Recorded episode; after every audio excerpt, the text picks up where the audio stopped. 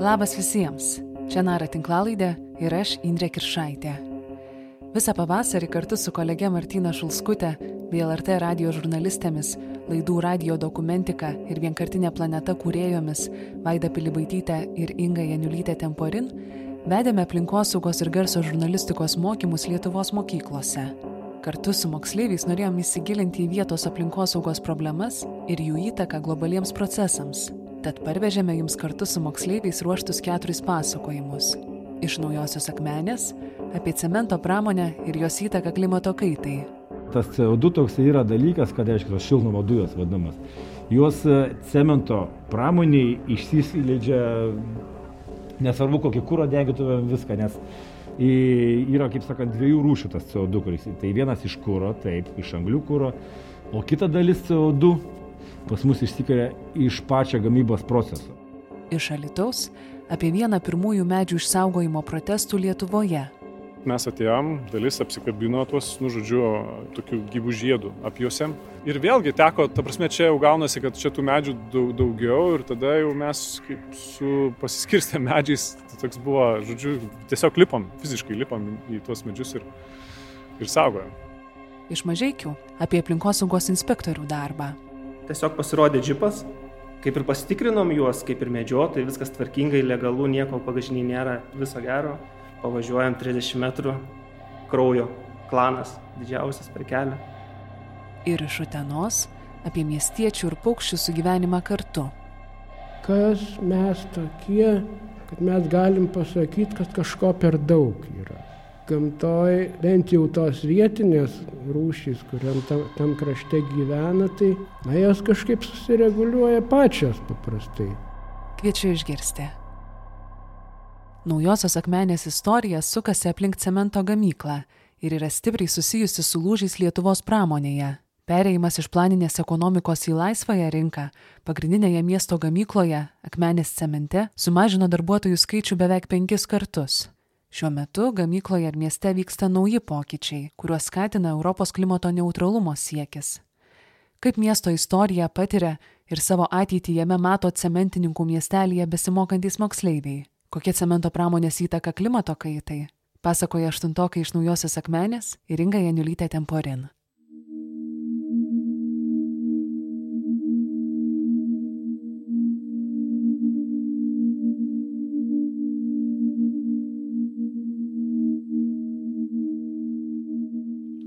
nuo kelių metų dirbate gamykloje? Gamykloje pradėjau dirbti 69 metais. Man buvo tada, tuo metu buvo 23 metai. Kiek metų dirbote pačioje gamykloje? Pačioje gamykloje išdirbau 43 metus, kol išėjau pensiją. Naujosios akmenės Saulėtekio progymnazijos aštuntokė Vanesa ima interviu iš savo senelio Sigito. Jis beveik visą savo gyvenimą dirbo sukamosios krosnies mašinistu cemento gamykloje. Kas nuvedė į būtent cemento gamyklą? Nu, kadangi nelabai tai buvo ko pasirinkti, bet daugiausiai tai buvo motyvas ir geras atlyginimas ir plus galėjai gauti būtą greitai.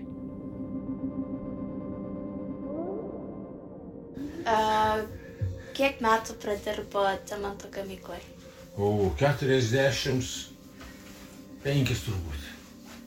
Tuo metu Viltė interviu ima iš savo dėdės Valentino. Kodėl pasirinkot būti cemento gamyklą? Daugiau nebuvo kur eiti. o studijavot būtent cemento gamykloje ar ne? Ne, tiesiai nuėjau šalkaliu dirbti. O iš naujos akmenės esate ar Taip. ne? Ką? iš Sibiro. Ką veikėt dabar, kai jau išėjot iš cemento gamyklos? Dabar mamuką kartais pakybinu. Nu, tai ką, nu, nu, nu ką pensijai daryti? Nebijokit iškirpšti.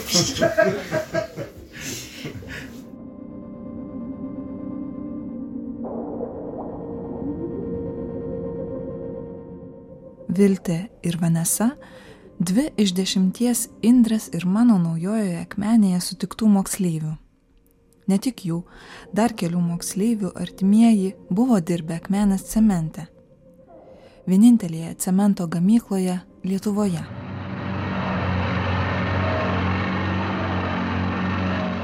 Šiaurės Lietuvoje, šalia Klinties klodų, cemento gamykla pradėta statyti po antro pasaulinio karo. Dabar šis klinčių akmuo keliaus į cemento gamyklą. Aplink ją kūrėsi ir naujas miestas - Naujoji Akmenė.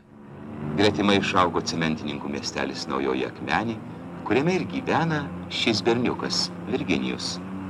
Jis turi daug pažįstamų, visi jį čia žino. Tai ištrauka iš 1961 metais sukurto filmo Nenusimink Virginijų. Filmas pasakoja apie berniuką, kuriam devyneri. Tiek pat, kiek tuo metu buvo ir naujai akmenį. Kiek kartų jis skaičiavo tos virbus? Pašaliniams draudžiama. Na bet jis, ar pašalinis? Čiagi dirba jo tėvas, meistras Matas. Egidija, Eivas, Ema, Erikas, Gabija, Greta, Kornelija, Rutenis, Vanesa ir Viltė apie cemento gamyklą žinojo tik iš šio filmo ir nuogirdų. Kartu jie beveik kasdien matė iš gamyklos kaminų rūkstančius dūmus, bet pačioje gamykloje jie niekada nebuvo apsilankę. Bet ką, rašyk ir viskas. Čia jau dabar įrašinai. Tad keliaujame tenai pamatyti, kaip gaminama ši statybose praktiškai nepakeičiama medžiaga o kartu pabandyti suprasti, kaip keičiantis pasauliui keičiasi naujoji akmenė. Einam čia, žalinėlė. Gamykloje mus pasitinka akmenės cemento vyriausiasis technologas Mindaugas Kazlauskas. Svarbiausia, e, laikykitės grupiai, niekur neatsilikit, nepasiklyskit. Jeigu pasiklysim, tikrai sąžininkai sakau, surasim darbo, dirbsit. Jis pasakoja, kaip gaminamas cementas ir aprodo gamyklą pati pradžia, vadinkim, gamybos yra šičia, klinčių trupinimas, kitam gale yra molio trupinimas. Molį atsivežam iš šaltišių karjerą, bet jau skirtingai nuo klinčių nebe auto transportu, o geležinkelio transportu. Reiškia, trupintas e, klintis ir molį mes maišom elementariai ant juostų, ant transportavimo juostų. Labai labai grubiai išnekant 80 procentų klinčių, 20 procentų molio tos žaliavos arba tas va mišinys yra išdžiovinamas pilnai ir sumalamas. Malta įkrovo laikoma gal biški matosi vasilosas, silosa galvat. Čia va šalia to didžiojo bokšto po kairė yra tas vasilosas. Nei daug, nei mažai 12 tūkstančių tonų ten telpa. Tai va, tada reiškia grubiai iš to e, įkrovo siloso medžiaga elevatorių pagalba kyla į patį, patį bokšto viršų ir pasileidžia į tuos mūsų vadinamus keturių pakopų šilumokyčius. Tai šitas ir taip grubiai vadinasi šilumokačių bokštas. Pasileidžia į bokštą, iš viršaus eina įkrova, tai kitaip sakant, nu, pudra. Malta, malta pudra, kur yra 80 procentų klinčių, 20 procentų molio, jeigu nesinėti tos smulkmenas. Ir šilumokaitos principų iš viršaus krentanti, galim sakyti, krentanti, vadinkim, tą e, įkrovą, iš apačios kylantis karštis atlieka visas tas jau reakcijas, kur irgi neįsimi smulkmenas tas mineraloginės Ir tikslas yra, vadinkim, bokšte dekarbonizuoti šitą įkrovą, kad jau paskui, kai užeisim, matysim pačią krosnį, pačioje krosnėje vyksta galutinės reakcijos. Ir čia vat, didelė klaida būna, kai kiti galvoja, kad cemento gamyklą, vat, įleidžiam, praleidžiam pro krosnį, gaunam cementą. Ne, tai dar reiškia, mes iš to įkrovos miltelių praleidę pro visą tą karštį, tikrai temperatūra kai kur krosnį, pavyzdžiui, siekia ir netoli 1800 laipsnių, tai mes gaunam tik dirbtinį mineralą klinkerį.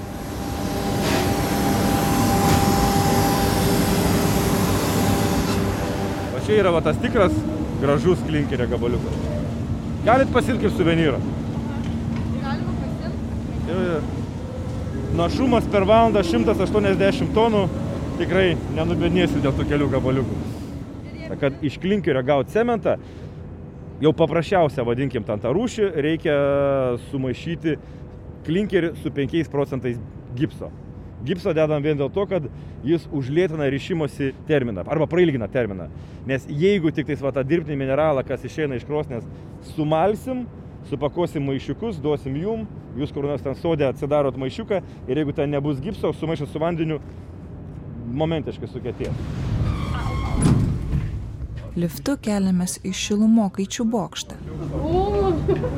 Turėklai yra, viskas yra. Nesikasykit per daug. Reikia nusifotkinti. Iš 82 metrų aukščio matyti visa gamyklos teritorija. Nauji ir senai nebenaudojami įrengimai. Vienoje pusėje matome, kaip naudotos padangos slenka konvejerių į krosnį. Jos kartu su džiovintų nuotekų dumblų ir specialiai deginimui paruoštomis atliekomis naudojamos kaip angliai alternatyvus kuras. Didžiąją kūro dalį vis dar tebe sudaro anglis. Kuo daugiau alternatyvių kūrų įkišam, tuo mažiau anglies. O aišku, dabar ir tikslas tai ir yra išeiti iš to iškastinio kūro naudojimo. Tai va dabar, bet šiuo metu vyksta gan didelės investicijos, dideli projektai, ten tikrai skaičiais gal neminėsiu, bet tikrai milijoniniai projektai, kad ateityje iki 90 procentų netgi kūro pakeisti į alternatyvų. Skubėti atsisakyti anglies verčia augantis mokesčiai už anglies dvideginio emisijas. Per metus akmenės cementas pagamina nuo milijono šimto tūkstančių iki milijono trijų šimtų tūkstančių tonų cemento ir atitinkamai beveik milijoną tonų anglies dvideginio emisijų. Tai sudaro apie 5 procentus visų Lietuvos anglies dvideginio emisijų. Tas CO2 toks yra dalykas, kad reiškia šiltnamo dujos vadinamas juos cemento pramoniai išsiskleidžia, nesvarbu kokį kūrą degintumėm viską, nes yra, kaip sakant, dviejų rūšių tas CO2, kuris. Tai vienas iš kūro, taip, iš anglių kūro, o kita dalis CO2, įbijau sumeluot, man atrodo, tikrai ženkliai didesnė, pas mus išsikelia iš pačio gamybos proceso. Ir kadangi, va, kaip aš sakiau, klintis mes vežam iš karjero, o klintis yra, jeigu chemiškai, yra kalcio karbonatas. Tai kalcio karbonatą kad pagaminti iš tų klinčių, vadinkim, klinkerį, mes deginam aukštoje temperatūroje, tai va bokšte, tam šilumokaičiu, kur praėjom ir, ir, ir krosnį, ir įvyksta cheminė reakcija. Tai kalcio karbonatas, arba kitaip kalcio CO3, skyla į kalcio oksidą, kuris mums reikalingas, vadinkim, tolimesniam formavimuisi klinkerio ir be kalcio CO, kalcio oksido gaunam CO2. Tai kad kažkiek to CO2 išsiskirs, cemento gamyklose, tai čia yra jau faktas. Tik tiek dabar, aišku, dar tenais kol kas yra projektavimo, gal, gal galvojimo ir, ir, ir, ir modeliavimo stadijoje, bet ir čia jau tikrai ne Lietuvoje, čia jau pasauliniu, gal europiniu mastu, kad tą CO2 išsiskirianti per kamaną, kuris, kaip sakiau, yra neišvengiamas cemento gamybai. Tai gaudyti, CO2 capture, vadinkim, technologija, jeigu angliškai, gaudyti ir tada jau Sugaudyti taip įmanoma. Visas klausimas, kur tą CO2 sugautą dėti.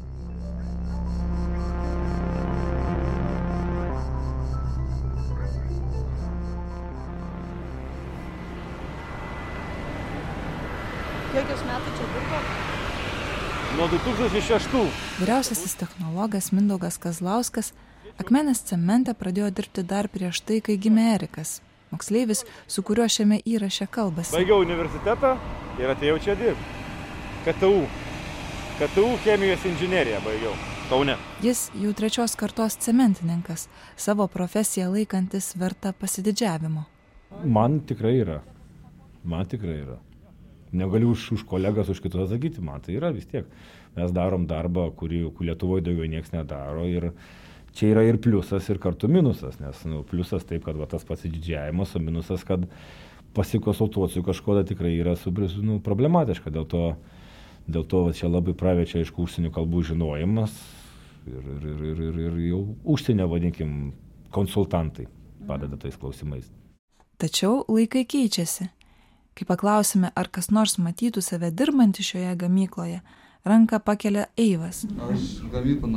Jis sako, jo gamykloje dirbti norėtų, tik ne akmenės cementą, o neseniai mieste atidarytoje VMG medienos drožlių plokščių gamykloje. Ten dirba jo tėvai. Čia jau nukonkuruoja jis. Kažkiek tai, bet sveika konkurencija gerai, kaip sakant, nu vis tiek ir, ir, ir, ir kiekvienas žmogus eis ten, kur jam geriau. Bet galiu pasakyti iš tos pačios serijos visur gerai, kur mūsų nėra. Tai, tai va čia taip ir taip ir taip ir yra.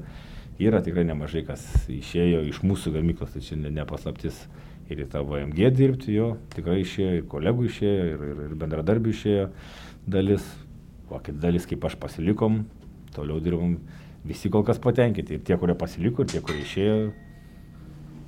Tiesiog, kiekvienas žmogus ieško kaip kam geriau.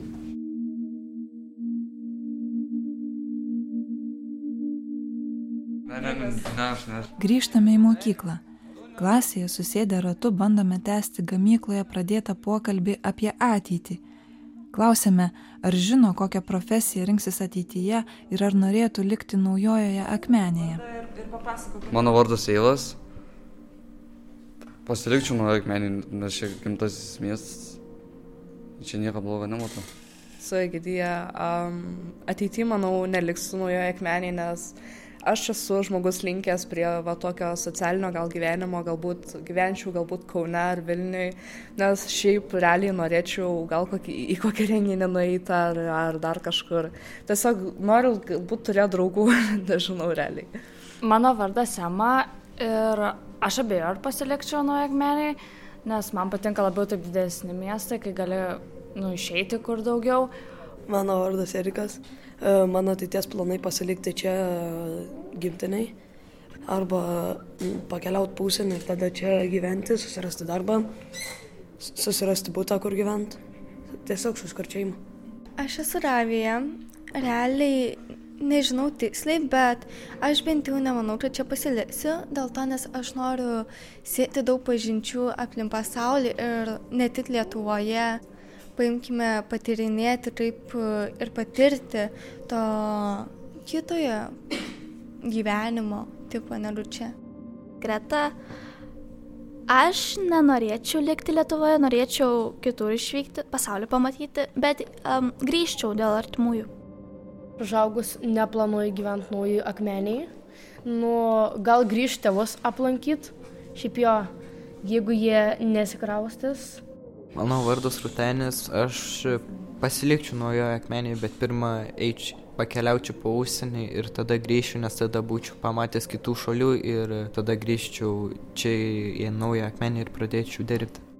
Um, aš esu Vanessa ir nenorėčiau likti naują akmenį, nes mažai galimybių ir į užsienį važiuoti, nes noriu pamatyti pasaulį ir dėl to, nes tai vienas brolis išvažiavo į užsienį, tai kitas ir tenais tai jau kaip šeima. Aš, aš dar tik aštuntoj klasiai, tai nemanau, kad uh, dar esu nusprendus, nes labai daug uh, ką tyriu ir noriu sužinoti, bet labai sunku yra pasirinkti. O kad naują akmenį pasiliksiu, tai šito nežinau.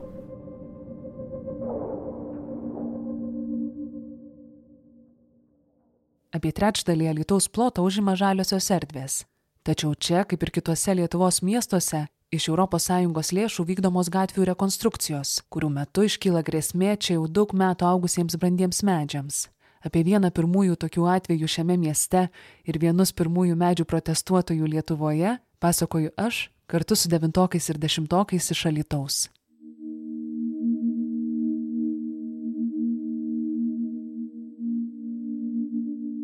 Alitaus Putinų gimnazijoje dirba dailės mokytojas Mantas Kazakevičius. Paprastas, fainas, labai malonus mokytojas, visą laiką suprantantis, jei reikia mm, ką nors e, padėti ar panašiai, jis visą laiką padės. Geras žmogus, supratingas, matosi, kad atsidavęs menui bei savo darbui.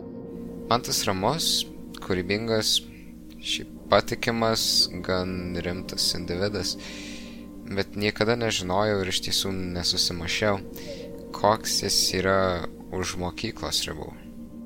Už mokyklos ribų mokytojas Mantas turi visai kitą pusę. Jis yra aktyvus visuomenininkas, besirūpinantis aplinkosauga. Kai prieš tai girdėtiems Nėjai, Laurai ir Matui buvo dviejį treji, mokytojas Mantas buvo vienas pirmųjų aktyvistų Lietuvoje, protestavusių prieš brandžių medžių kirtimą. Ne vienas iš mūsų moksleivių, su kuriais ruošėme šį pasakojimą, apie tai nebuvo girdėjęs. Tad norėjome šią istoriją išgirsti iš pirmų lūpų. Žinokit, man tai irgi yra nauja patirtis, dar niekas manęs tokiu būdu nekalbino. Tai aš žinokit, tiek pat jaudinusi, kiek ir jūs. Tai ar, ar girdžiuosi gerai? Taip. Gerai. Susitinkame su Mantu prie Lietuvos dailės mokyklos, kurioje jis dirba taip pat. Mokykla yra miesto sode, kuris tarpukariu įkurtas natūraliame pušyne, apsodintas lapuočiais, krūmais, rožėmis. Visai šalia aikštė su laisvės angelo skulptūra, aplink kurią augo 17 brandžių klevų. Einame link jos. Čia kažkur, ar ne, tada? Tai taip, mes esam toje aikštėje ir, ir čia, vat, kur dabar auga kalnapušės, tai visur šitose vietose buvo po klevą. Tie klevai aš juos atsimenu kaip brandžius medžius, po kuriais buvo galima karštą vasaros dieną pasislėpti nuo saulės. Ir nu, kažkokią atgaivą surasti ir, ir, ir, ir širdžiai, ir, ir, žodžiu, ir kūnui. Ir aišku, būdavo labai gražu rudenį, na, klevai pasižymi tom, kad jų lapai nusispalvina ryškia, ryškia raudona spalva ir, žodžiu, ir, ir nukloja visą grindinį. Na ir toksai, nu, E, reginys ir reiškinys, kuris džiugindavo ištisus metus. 2000-ųjų pradžioje Mantas studijavo skulptūrą Vilniaus dailės akademijoje. Rūpintis brandžiais medžiais jį paskatino 2002 metais įvykusi sostinės Gedimino prospekto rekonstrukcija, kurios metu buvo iškirstos 94 liepos. Tasik, žodžiu, atsitiko toks dalykas Vilniuje ir kaip tik atsirado supratimas, žodžiu, um, kad vat Alytui dar ne. Ir Alytus apskritai pasirodė toks kaip žal, nu, toks su gamta integravęsis miestas. Ir, ir, ir aš pradėjau matyti tai kaip pagrindinį privalumą. Baigė studijas Mantas sugrįžo į Alytų, tačiau rekonstrukcijos jį pasivijo. Tuo metu gavusi Europinę paramą, Alytaus miesto savivaldybė pradėjo miesto sodo rekonstrukciją. Tai yra 2008 pavasaris ir jau buvau dailės mokytojai, bet tokiu buvau, nu, ką tik, ką tik pradėjusi dirbti Alitujaus mieste. Ir um, situacija buvo tokia, kad, uh, na, uh, buvo būrys tokių bebaigiančių akademiją, uh, jau pabaigusių ir su kuriais mes, na, bandydavom gyvinti kultūrinį gyvenimą mieste. Savivaldybė nusprendė iškirsti paprastuosius ir uosialapius klevus Laisvės Angelo aikštėje ir alėjose, vedančiose link jos. Apie tai man tas sužinojo iš miesto laikraščio. Man regis, kad būtent ketvirtadienio numeryje buvo įdėta žinutė, kad bus kertama, vykdomi kirtimai, o data kirtimų, jų pradžia yra pirmadienis. Sąlyčio taškai su tuometinė miesto valdžia buvo. Mes kalbėdavomės kultūriniais klausimais ir atrodytų, kad tu lyg ir galėtum nueiti ir, ir, ir nu, pasakyti, bet, na, savaitgalis tu neteisi. Tad iki pirmadienio jis su bendraminčiais planavo pasipriešinimą. Taip, mes ruošiamės protestui ir ruošiamės, kad blokuosim. Nu, ta prasme, kad reikalui esant lipsim į tuos medžius, tai, nu, tai reikėjo ir kopičias susiorganizuoti. Ir, ir tokių šmaikščių uh, plakatų padarėm, kad uh, parduodu malkas ir davėm numerį aplinkos apsaugos skyriaus, uh, kas buvo kontaktuose pateikta, mes mes tokių visokių, e, nu, tokių provokatyvių užrašų turėjom. Pirmadienį, balandžio 14-ąją, anksti ryte medžių aktyvistai susirinko miesto sode. Tai buvo gal šešios ryto ir jau, jau pora medžių jau gulėjo. Nu ir tada viskas mes atėjom, e, dalis apsikabino tuos, nu žodžiu, ap, tokių gyvų žiedų apjuosėm. Ir, ir vėlgi teko, ta prasme, čia jau gaunasi, kad čia tų medžių daugiau ir tada jau mes kaip su pasiskirstę medžiais, tai toks buvo, žodžiu, tiesiog lipom, fiziškai lipom į tuos medžius ir, ir saugojom. Gal galėtume nueiti tada iki tos vietos, kuris buvot? Galim. Įsilipęs. Ai, aš kur pats aš buvau, tai aš, aš tai iš tikrųjų čia buvau užsilipęs, va čia. Į klevus sulipo apie dešimt aktyvistų. Ir mums teko, kaip, pas, kaip pasakyti, operatyviai orientuotis pagal situaciją, kadangi, kadangi buvo bandymų mūsų apgauti. Mes ten saugojame medžius, tada darbininkai galiausiai ten kokią valandą patrypčioje susipakuoja visus daiktus, susikrauna į mašinas ir jie išvažiuoja bet jie neišvažiuoja į savo bazę, jie išvažiuoja, atvažiuoja vat, pro, pro, per aplinkui, gaunasi čia nu, toks kelių kilometrų žiedas ir jie pradeda čia. Ir mes kažkaip suvodėm, kad, nu, kad, kad, kad taip gali atsitikti, nu, kadangi vis tik atstumas 400 metrų čia gaunasi tiesių keliu, nebuvo tai sunku padaryti ir, ir mes tiesiog nu, atvykom ir čia. Nu, ir, ir, ir tada prasidėjo, žodžiu, tie darbininkai, jie nežino, ką daryti, jie pasimetė iš principo, tada jau jų vadovas, tas darbų vykdytojas, irgi ateina, bando mus kažkaip tai paveikti, na ir paskui pradeda vaikščioti, žodžiu, iš eilės ten, kaip pasakyti, tais laipteliais, visais administraciniais aplinkos apsaugos skyriaus pirmiausiai specialistės atėjo, pabandė su mumis kalbėtis, mes nenusileidom ir tada administracijos direktorius, o galiausiai ir meras. Tadien kirtimai sustojo. Buvo išsiaiškinta, kad savivaldybė iškirsti medžius nusprendė savavališkai, nesuderinusi šio sprendimo su paveldosaugininkais, o ši aikštė patenka į valstybės saugomų kultūros objektų sąrašą. Tačiau mokytojas Mantas vis tiek buvo iškviestas ant kilimėlio. Žodžiu, kadangi aš esu mokytojas, tuo metu dirbau Alitaus dailės mokykloje. Dailės mokykla yra pavaldi Alitaus miesto savivaldybei. Miesto savivaldybė pasikviečia miest, Alitaus dailės mokyklos direktorių pokalbiui ir, aišku, pakviečia ir mokytoją dailės mokyklos. Ir, žodžiu, sus, susėda dėdžių daug ir tėtų ir visi moralizuoja, žodžiu, iš eilės ir, ir tu esi, nu, kaip ir pasakyti, morališkai linčiuojamas prie to didelio stalo ir, ir tada, žodžiu, nu, va, tai mane ta patirtis realiai iš tikrųjų traumavo. Aš taip dalyvaudavau tuose kūrybinėse dirbtuvėse, miesto vystimo klausimai, žodžiu, kažkaip toks labai patriotiškas jaučiausi šito miesto klausimu. Ir žiauriai nusivyliau valdžia, žodžiu, kaip, kaip jinai veikia, kaip jinai bando užgneušti, nu, kai bando tą, tą iniciatyvą ten nu, užspausti ir panašiai. Iš mokyklos man to neatleido, tačiau jis patyrė didelį spaudimą. Buvo tuo metu tokie duodamos užuomenos, kad va čia reikės dabar darbai sustojo, pinigai sumokėti, patiriami nuostoliai. Žodžiu, dabar ka, ka, kas čia juos atlygins? nu tai atlygins, kas čia sustabdė. Buvau priverstas pasakyti tokius žodžius, kad tai buvo klaida. Nu, ta prasme, ten prie jų, jiems vad girdint. Ir, bet aš aišku neturėjau omeny, kad buvo klaida mums protestuoti, bet jiems užteko to, kad jie suprato savaip, jie suprato, kaip jiems reikėjo, žodžiu, kad aš jau čia atsiprašau, nors aš tokių žodžių nepasakiau. Įsikišus paveldosaugininkams, aikštės klevus pavyko išsaugoti ketverius metus. Galiausiai jie buvo iškirsti 2012 spalį. Naujai išrinktas Alitaus meras Jurgis Krasnickas laikraščiuje Alitaus naujienos teigia, kad savivaldybei svarbiau vykdyti 8 milijonų litų vertės projektą, nei saugoti brandžius medžius.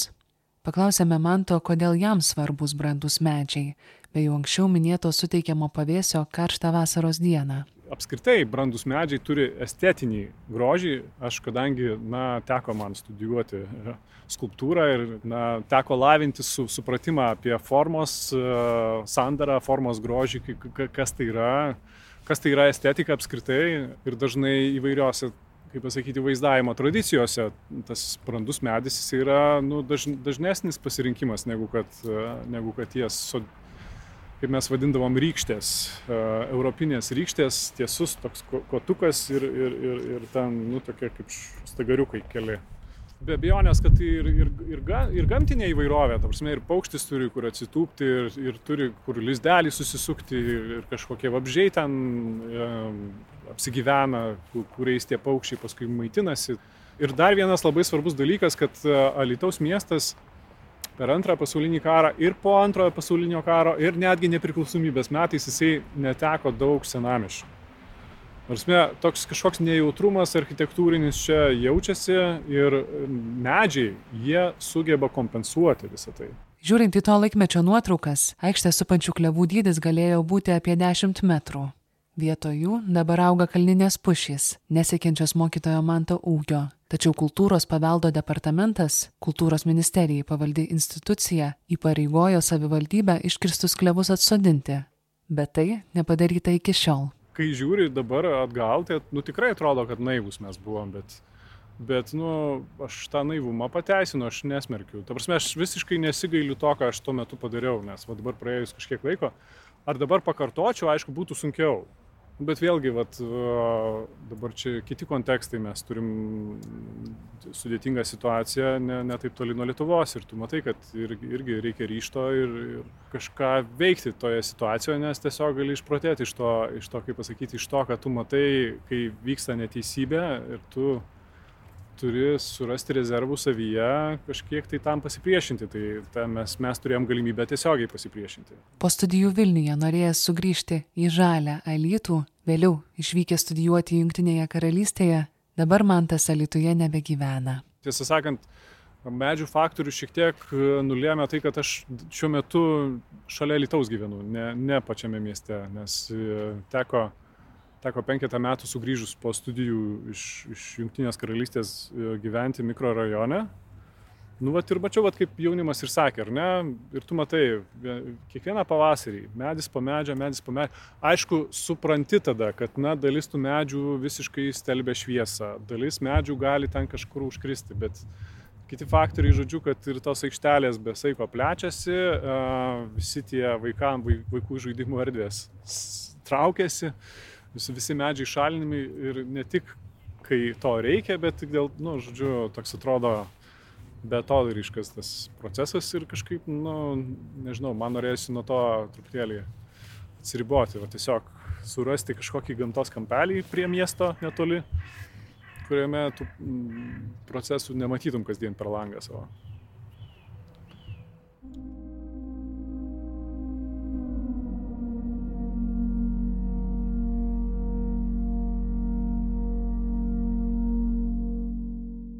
Niekad nesus, nesitikėjau išgirsti apie tai, kaip mano mokytojas uh, saugojo klevus 2008 metais, uh, augančius prie laisvės angelo.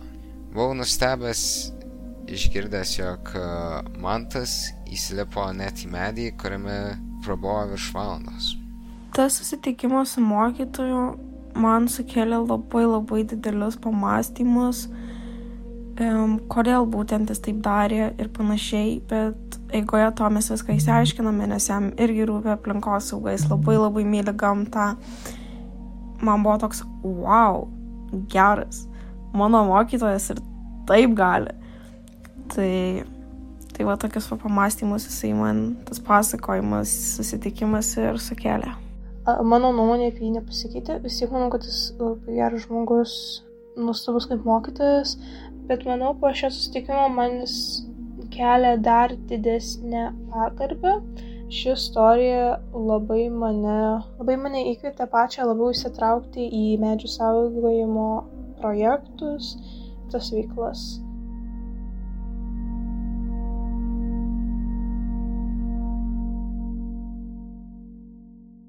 Moksleiviai iš mažiekių kartu su Vaida Pilibaitytė ir Martina Šulskutė susitiko su aplinkosaugos inspektoriumi Martynu Kairiu.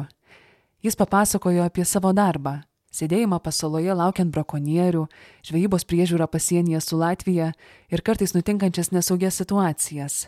Kviečiu išgirsti aštuntokų ir vienuoliktokų iš mažiekių ir Vaidos Pilibaitytės ruoštą pasakojimą. Netvarkingi auga žmonės. Mes seniai kitaip įvertinam.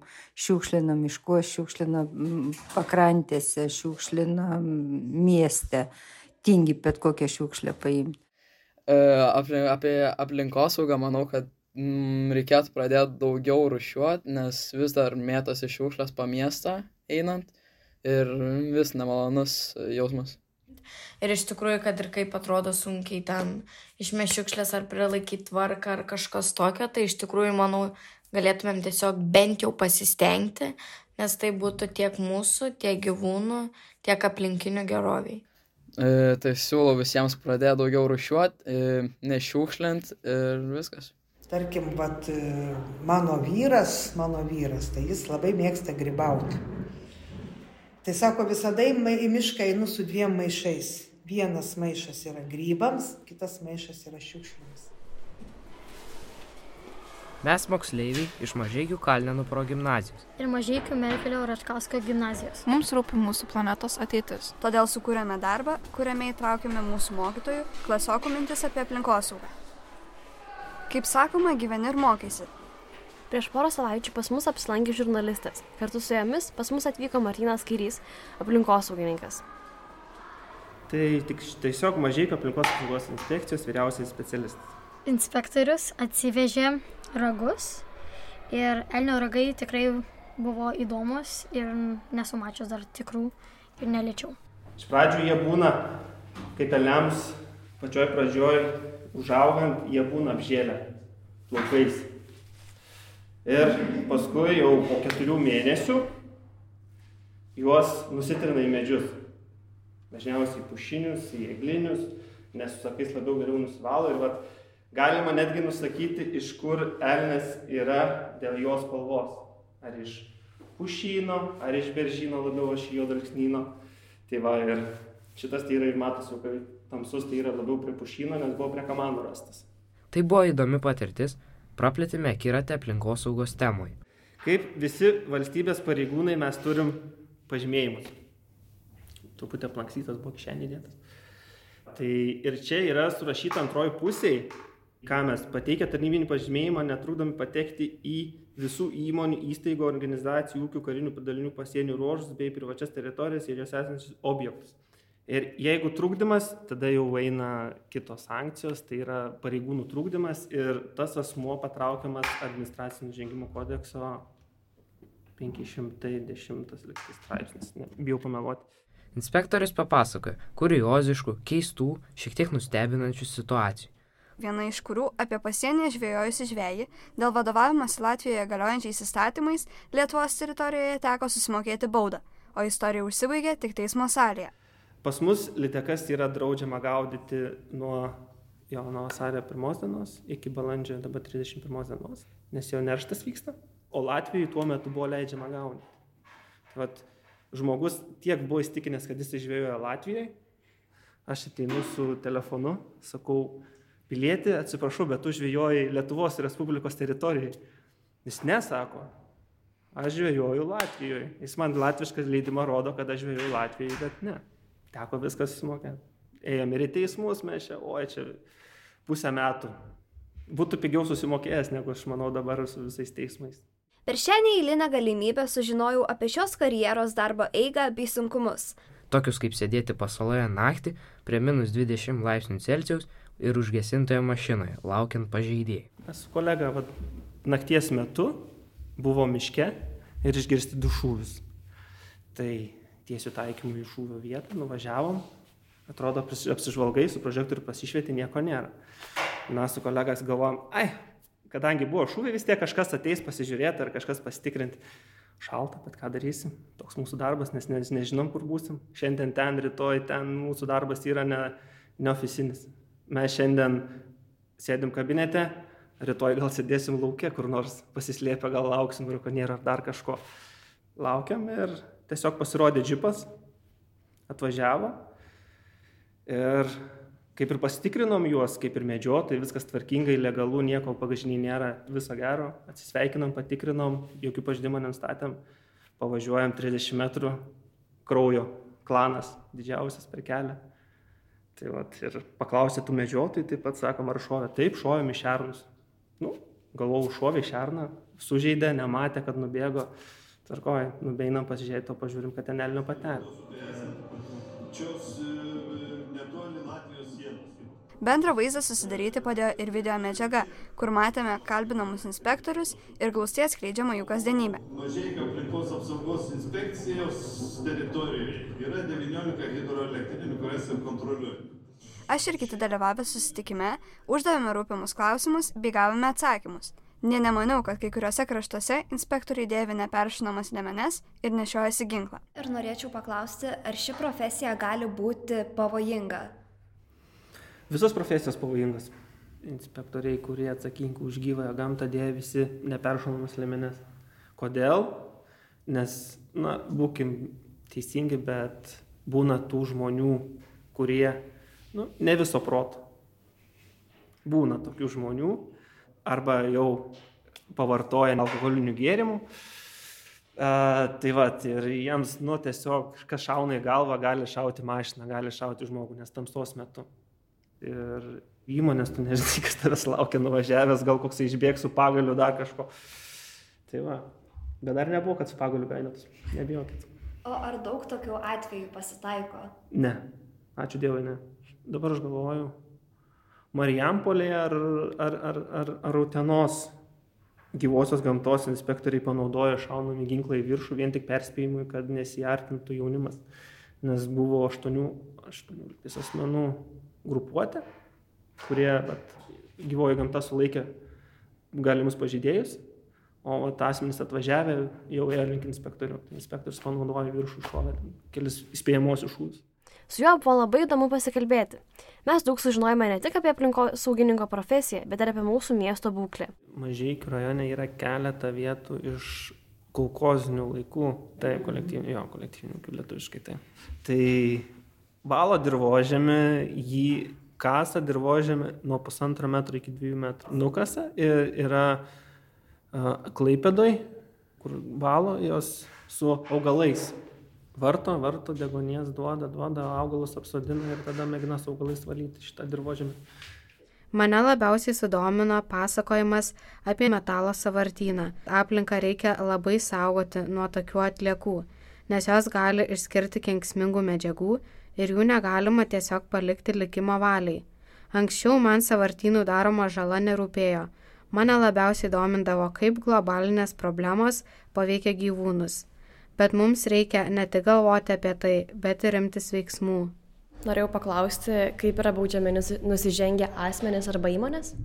Mes galime atlikti planinius, neplaninius patikrinimus. E, planinis patikrinimas tai atliekamas iš anksto suplanuota, kai mes įmonę informuojam prieš 10 darbo dienų, kad tinkamai susitvarkytų, bet dažniausiai jau tokia praktika yra, kad nu, įmonė per 10 dienų nieko nespėja. Jeigu jinai būna per metus aplaidžiai dirbusi, tai po 10 darbo dienų atvažiavę mes patikrinti, tai nu, galim sakyti, gal randame truputuką aptvarkytą, bet ne iki galo tikrai. Tai būna ir pažeidimų ir tikrai randame. Tai buvo, kad atvažiavom pas įmonę, kuri turėjo taršos leidimą ir jinai užsima metalų veiklą. Metalus tiesiog superka. Metalus, rušiuoja juos ir turi tam tikras vietas, kur kiekvienas metalas turi būti sudėta. Tai nuvykus į vietą tiesiog būna ne pagal rušis sudėta, plienas, aliuminis ir taip toliau, bet tiesiog į vieną krūvį. Kodėl blogai? Nes e, taršos leidime, e, techniniam reglamente būna nurodyta kiekviena atlieka, kur turi būti susandėliuota. Tai va, tai dažniausiai būna, kas suvaroma į vieną krūvą, o gal pasiseks inspektorius net važiuos, nepamatys ir praplauks, arba spėsim viską išvežti, nes dažniausiai vat, metalo supirktuvėse metalas keičiasi, atvažiuoja, išvažiuoja, atvažiuoja, išvažiuoja, atvažiuoja. Nu, būna tokių atvejų, kad ir neplaniniu metu būna, vat, ir akcijos vykdomos kažkokios, tai vat, neplaninis, tai būna, kai, kai gauname mes pavedimą iš aukščiau, tai būna arba iš šiaulių valdybos viršininko, arba iš savo viršininko. Tai mes gavom pavedimą, tiesiu taikymą važiuojame tą įmonę ir atliekam neplaninį patikrinimą. Ir patikrinimo akte užfiksuojami visi pažydimai. Kas tuo metu buvo ta įmonė. Nustačius, kas yra pažeidimus ir užfiksavus, tada surašomas administracinio žengimo protokolas, tai mes duodame jiems privalomą nurodymą susitvarkyti. Mes, mes galime pasirinkti tai ar savaitę, ar maks iki mėnesį. Ir turiu klausimą, ar šitas darbas labai reikalauja psichologiškai jėgų? Psichologiško gal reikalauja su žmonėm bendravimui, nes žmonių būna įvairių, įvairiausių. Su vienu malonu bendrauti, su kitu jisai yra iš prigimties piktesnis, tai su juo jau turi, nežinau kaip bendrauti, mėgini kaip ir su visais bendrauti, bet jis tau atsako piktai. Ir derinimas, kad tave neišmuštų iš vėžių, nes negali paklysti. Nes jeigu pasiduosi emocijom, prasidės tau tada kaip inspektoriui e, šitie tyrimai. Vaizdžiai buvau susidaręs jau vaizdą gražų, kad čia mes važiuosim, skaičiuosim paukštelius, čia bla bla bla.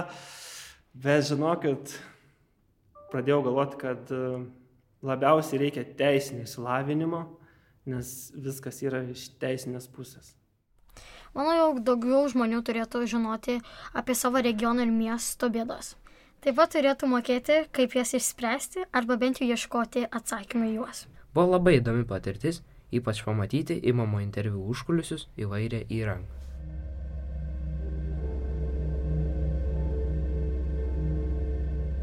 Utenoje, Dauniškio parko pušynė, yra įsikūrusi vienintelė kovų kolonija visame mieste. Tačiau miesto gyventojai piktinasi jų keliamų triukšmų ir netvarką. Kaip jiems pavyksta sugyventi kartu? Apie kintantį žmonių santykį su šiais paukščiais pasakoja 8 ir 11 iš Utenos ir Martina Šulskutė.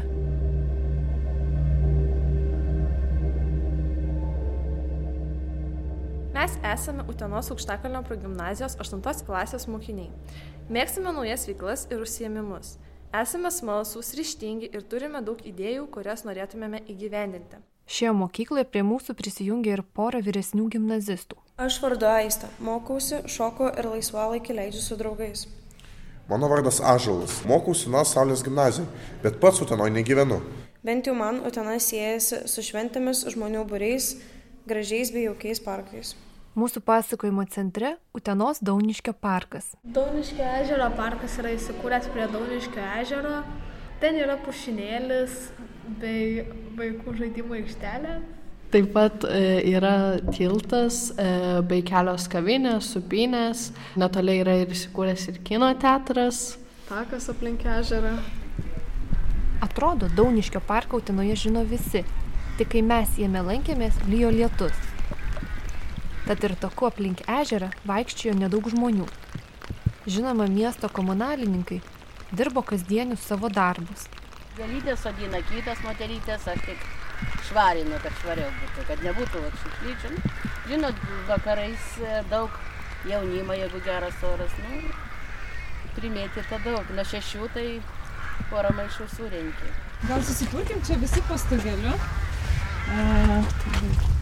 čia nežinau, ar gerai jūs pristatysiu, jūs esate Utenos rajono savivaldybės. Aš galiu pati prisistatyti. Utenos rajono savivaldybės administracijos aplinkos apsaugos skyriaus vedėjos pavaduotoja Rasa Kaziliūnės.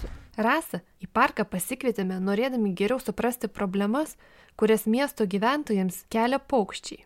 Parko ežere gyvena gulbės, antys, laukiai. Bet kartu gyvena ir kovai. Kovų čia ne keli ir ne keliolika. Ir net ne keliasdešimt, jų čia keli šimtai. Tad mūsų pasakojimas iš Utenos būtent apie juos - kovus ir miestiečių sunkumus, bandant su jais sugyventi. Rasa Kaziliūnenė yra tas žmogus savivaldybėje, kuris bando rasti sprendimą tinkamą ir gyventojams, ir gamtininkams, ir paukščiams. Antrasis mūsų pašnekovas yra biologas ornitologas.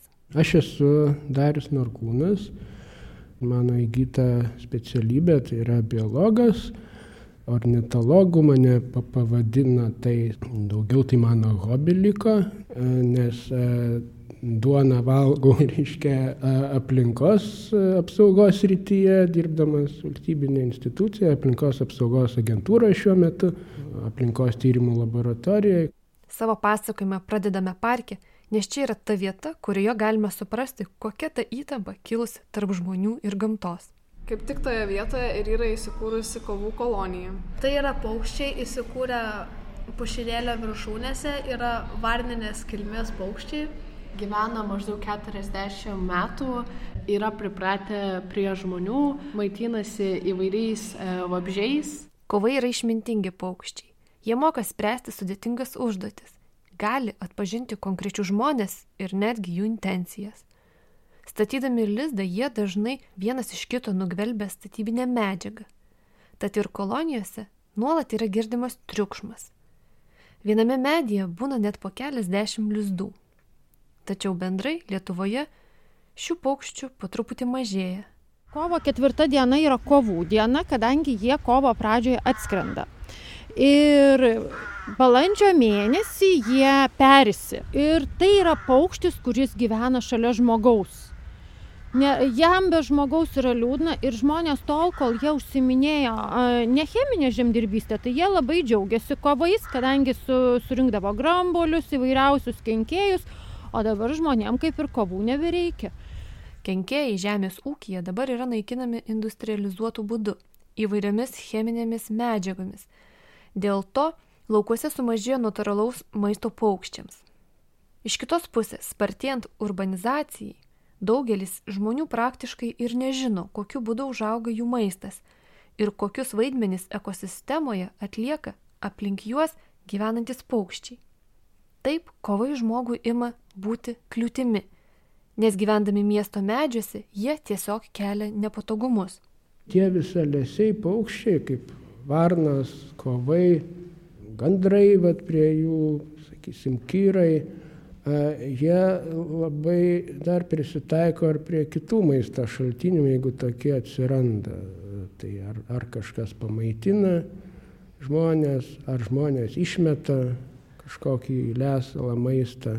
Tai gali būti ir atliekos, jiem tinkamas kaip lesalas. Tai va tada prasideda tie dalykai, kaip, kaip ten šiukšležė dėžių tikrinimas ir šiukšlių, reiškia, išbarstimas aplinkui. bet to paukščiai tuštinasi, paprastai daugiausia aplink ten, kur jie ir gyvena.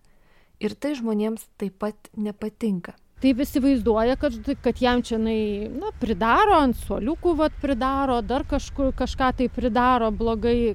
Visgi aplinkiniuose daugiabučiuose gyvenantiems žmonėms labiausiai trukdo šių paukščių keliamas triukšmas, nes nuo jo atsiriboti yra sudėtingiausia garsas, kadangi anksti ryte, jie apie 6 ryte, apie 5 ryte sukyla visų būrių ir aišku, krankdami skrenda į savo ten maitinimosi plotus.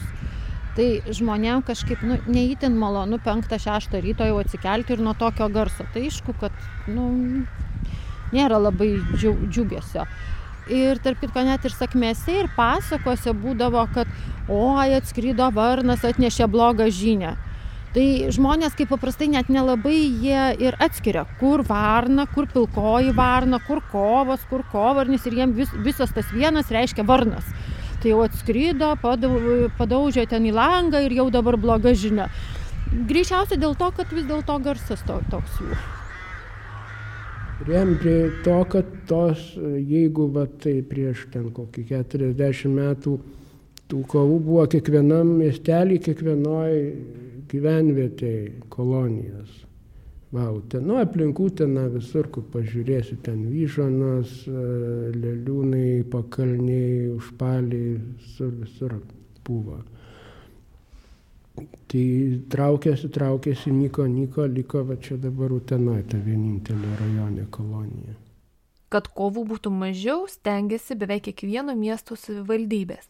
Pavyzdžiui, Vilniuje iš katedros varpinės vis pasigirsta plėšraus paukščio įrašas. Jis turi išbaidyti varninius iš aplinkinių želdynų. Aktyvių veiksmų išgyvendinti paukščius imasi ir Utena. Dalies gyventojų gyvenančių šalia parko noras yra toks, kad kovų miesto parke neliktų nemažai metų praėję, tai, tai ten buvo tokia atveju, kai ardė lizdus, tada, kai jau negalima ardyti, tai vat, ir ornitologų draugija įsikišo ir, ir rašėm raštus, informaciją teikiam, kad tą, tą sustabdyti, tai dabar jau tokia atveju po to ne, nepasitaiko. Nepasitaiko tokių atvejų, kad Utenoje lizdai būtų naikinami paukščių perėjimo metu. Tačiau rudenį ar žiemą iškelti ir sunaikinti visus lizdus yra kasmetinė praktika. Toks yra kompromisas tarp gamtosaugos ir miestiečių poreikių. Paukščiams leidžiama perėti, bet lizdus jos sukti turi iš naujo kiekvienais metais. Vis tiek tai yra miesto centras, tai yra parkas. Ir kadangi nuo kovo pirmos iki liepos pirmos kovų, lizdai, kovų lizdų neleidžiama išiminėti, bet mes po šiai dienai iki kovo pirmos dienos išiminėjom kovų lizdus. E, pradžioj, kai tik pradėjome išiminėti kovų lizdus, būdavo jų virš 300 vienetų. Praėjusiais metais mes išėmėm 118 kovų lizdų. Tai reiškia, kad jų vis dėlto kolonija mažėja.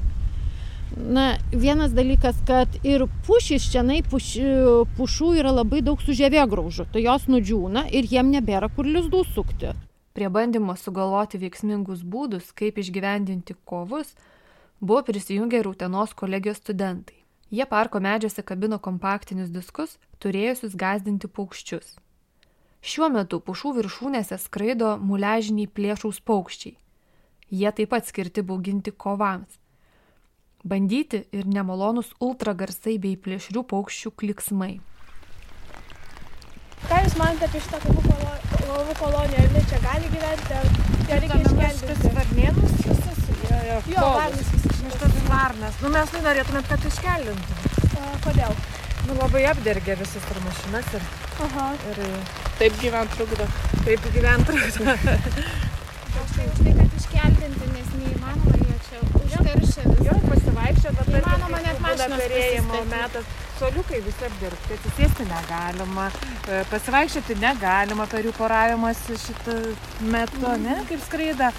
Automobiliai pastoja, nu viskas jiems gal būtų galima kokią saugesnę vietą surasti kažkur, tai aš nežinau, ar kad ir ten. Iškelti. Iškelti, jo. Ačiū už Jūsų nuomonę. Ir visgi, nors moksleivių gatvėje užkalbinti vietos gyventojai vis dar tiki, jog kovai bus išgyvendinti, bet ir Rasa ir Darius sutarė, jog visuomenės pastangos turėtų būti nukreiptos į bandymą su kovais sugyventi. žmonių nepasitenkinimo buvo, yra ir bus, tai tikrai taip.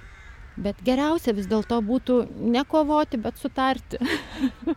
Kas mes tokie, kad mes galim pasakyti, kad kažko per daug yra. Vat, vat toks klausimas. O kodėl per daug, o, o, o kodėl mes turim ten labai, vat, jo, žmogus tu, turi tokį norą visą laiką kažką sureguliuoti.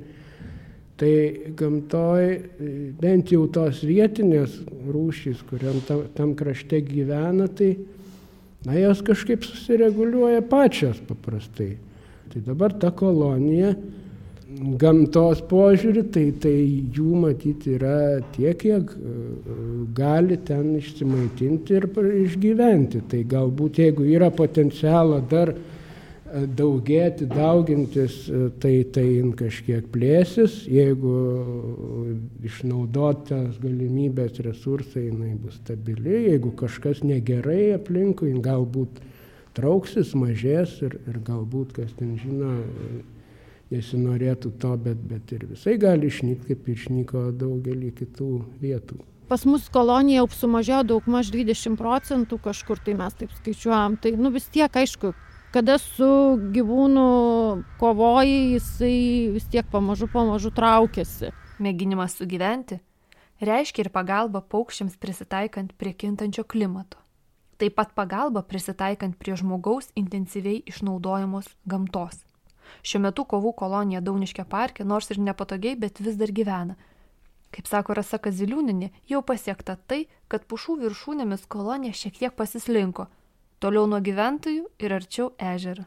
Ir vis tiek mes kiekvieni metai vis informuojam visuomeniai, kad kovų kolonija jau yra labai reta ir iš vis planuojama netgi, kad galbūt bus įtraukta į raudonąją knygą, tai na, iš gamtinės pusės tai mes turime turtą. Visame pasaulyje, o taip pat ir Lietuvoje vyksta žemės tinkamos auginti maisto kultūras degradacija. Chemizuotas ūkininkavimas ir intensyvus technikos naudojimas ardo žemės humuso sluoksnį. Dirvas tuomet greičiau veikia erozija, mažėja derlingumas. Tai reiškia, jog tenka ieškoti naujų, tvaresnių ūkininkavimo metodų. Ekologinis ūkininkavimas siūlo spręsti šiandieninės problemas, išsaugant ir į pagalbą pasiteikiant biologinę įvairovę. Taip galbūt vėl atsirastų vietos paukščiams, kurie yra gamtiško ūkininkavimo sudėdamoji dalis. Mes geriau kreiptumėm savo žemės ūkį vat, į tą, tą, kaip dabar Europą sako, žalinimą, škia, balansą tarp ganyklų, pievų ir dirbamų laukų išlaikyti, ne, ne, ne viską suarti iki pat miško pakraščio ar griovę ar kelią. Tiesiog palaikyti va, tą įvairovę, ekosistemą, kad ten užtektų vabzdžių, paukščių maisto, ne tik tai tiem kovam, bet visiems vieversiam, kurapkom, keuliukėm ir, ir daugybei pievų laukų paukščių. Tad net gyvenant mieste, šalia mūsų esantys paukščiai gali priminti apie tai, kokį maistą valgome, kaip jį auginame ir kaip miesto gyvenimo būdu prisidedame prie bio įvairovės žemėje išlaikymo ar jos menkimo. O čia pir, pirma vieta, kur jūs sakote, tik savaitę dirbat? Taip, čia savo, pirma. Pirma vieta, kur jūs dirbat tvarkytoje? Taip, čia jo pirma. Mhm. Tai negalit palyginti, tie paukščiai kitose vietose mažiau paukščių. Nu tai čia daugiausia, ten ne, tenais va einu dar, kaip turiu laiką aptvarkyti va prie koplyčias mūsų. Nu ten jau švariau, ten mažiau žmonių, žinokit, mažiau tokį prieimą prie ežero. Nu dabar tai darbai, gal, bet vasarą bus trupučiuką daugiau gal darbą. O kas daugiau šiukšlina, ar paukščiai, ar žmonės? Žmonės. žmonės. Žmonės.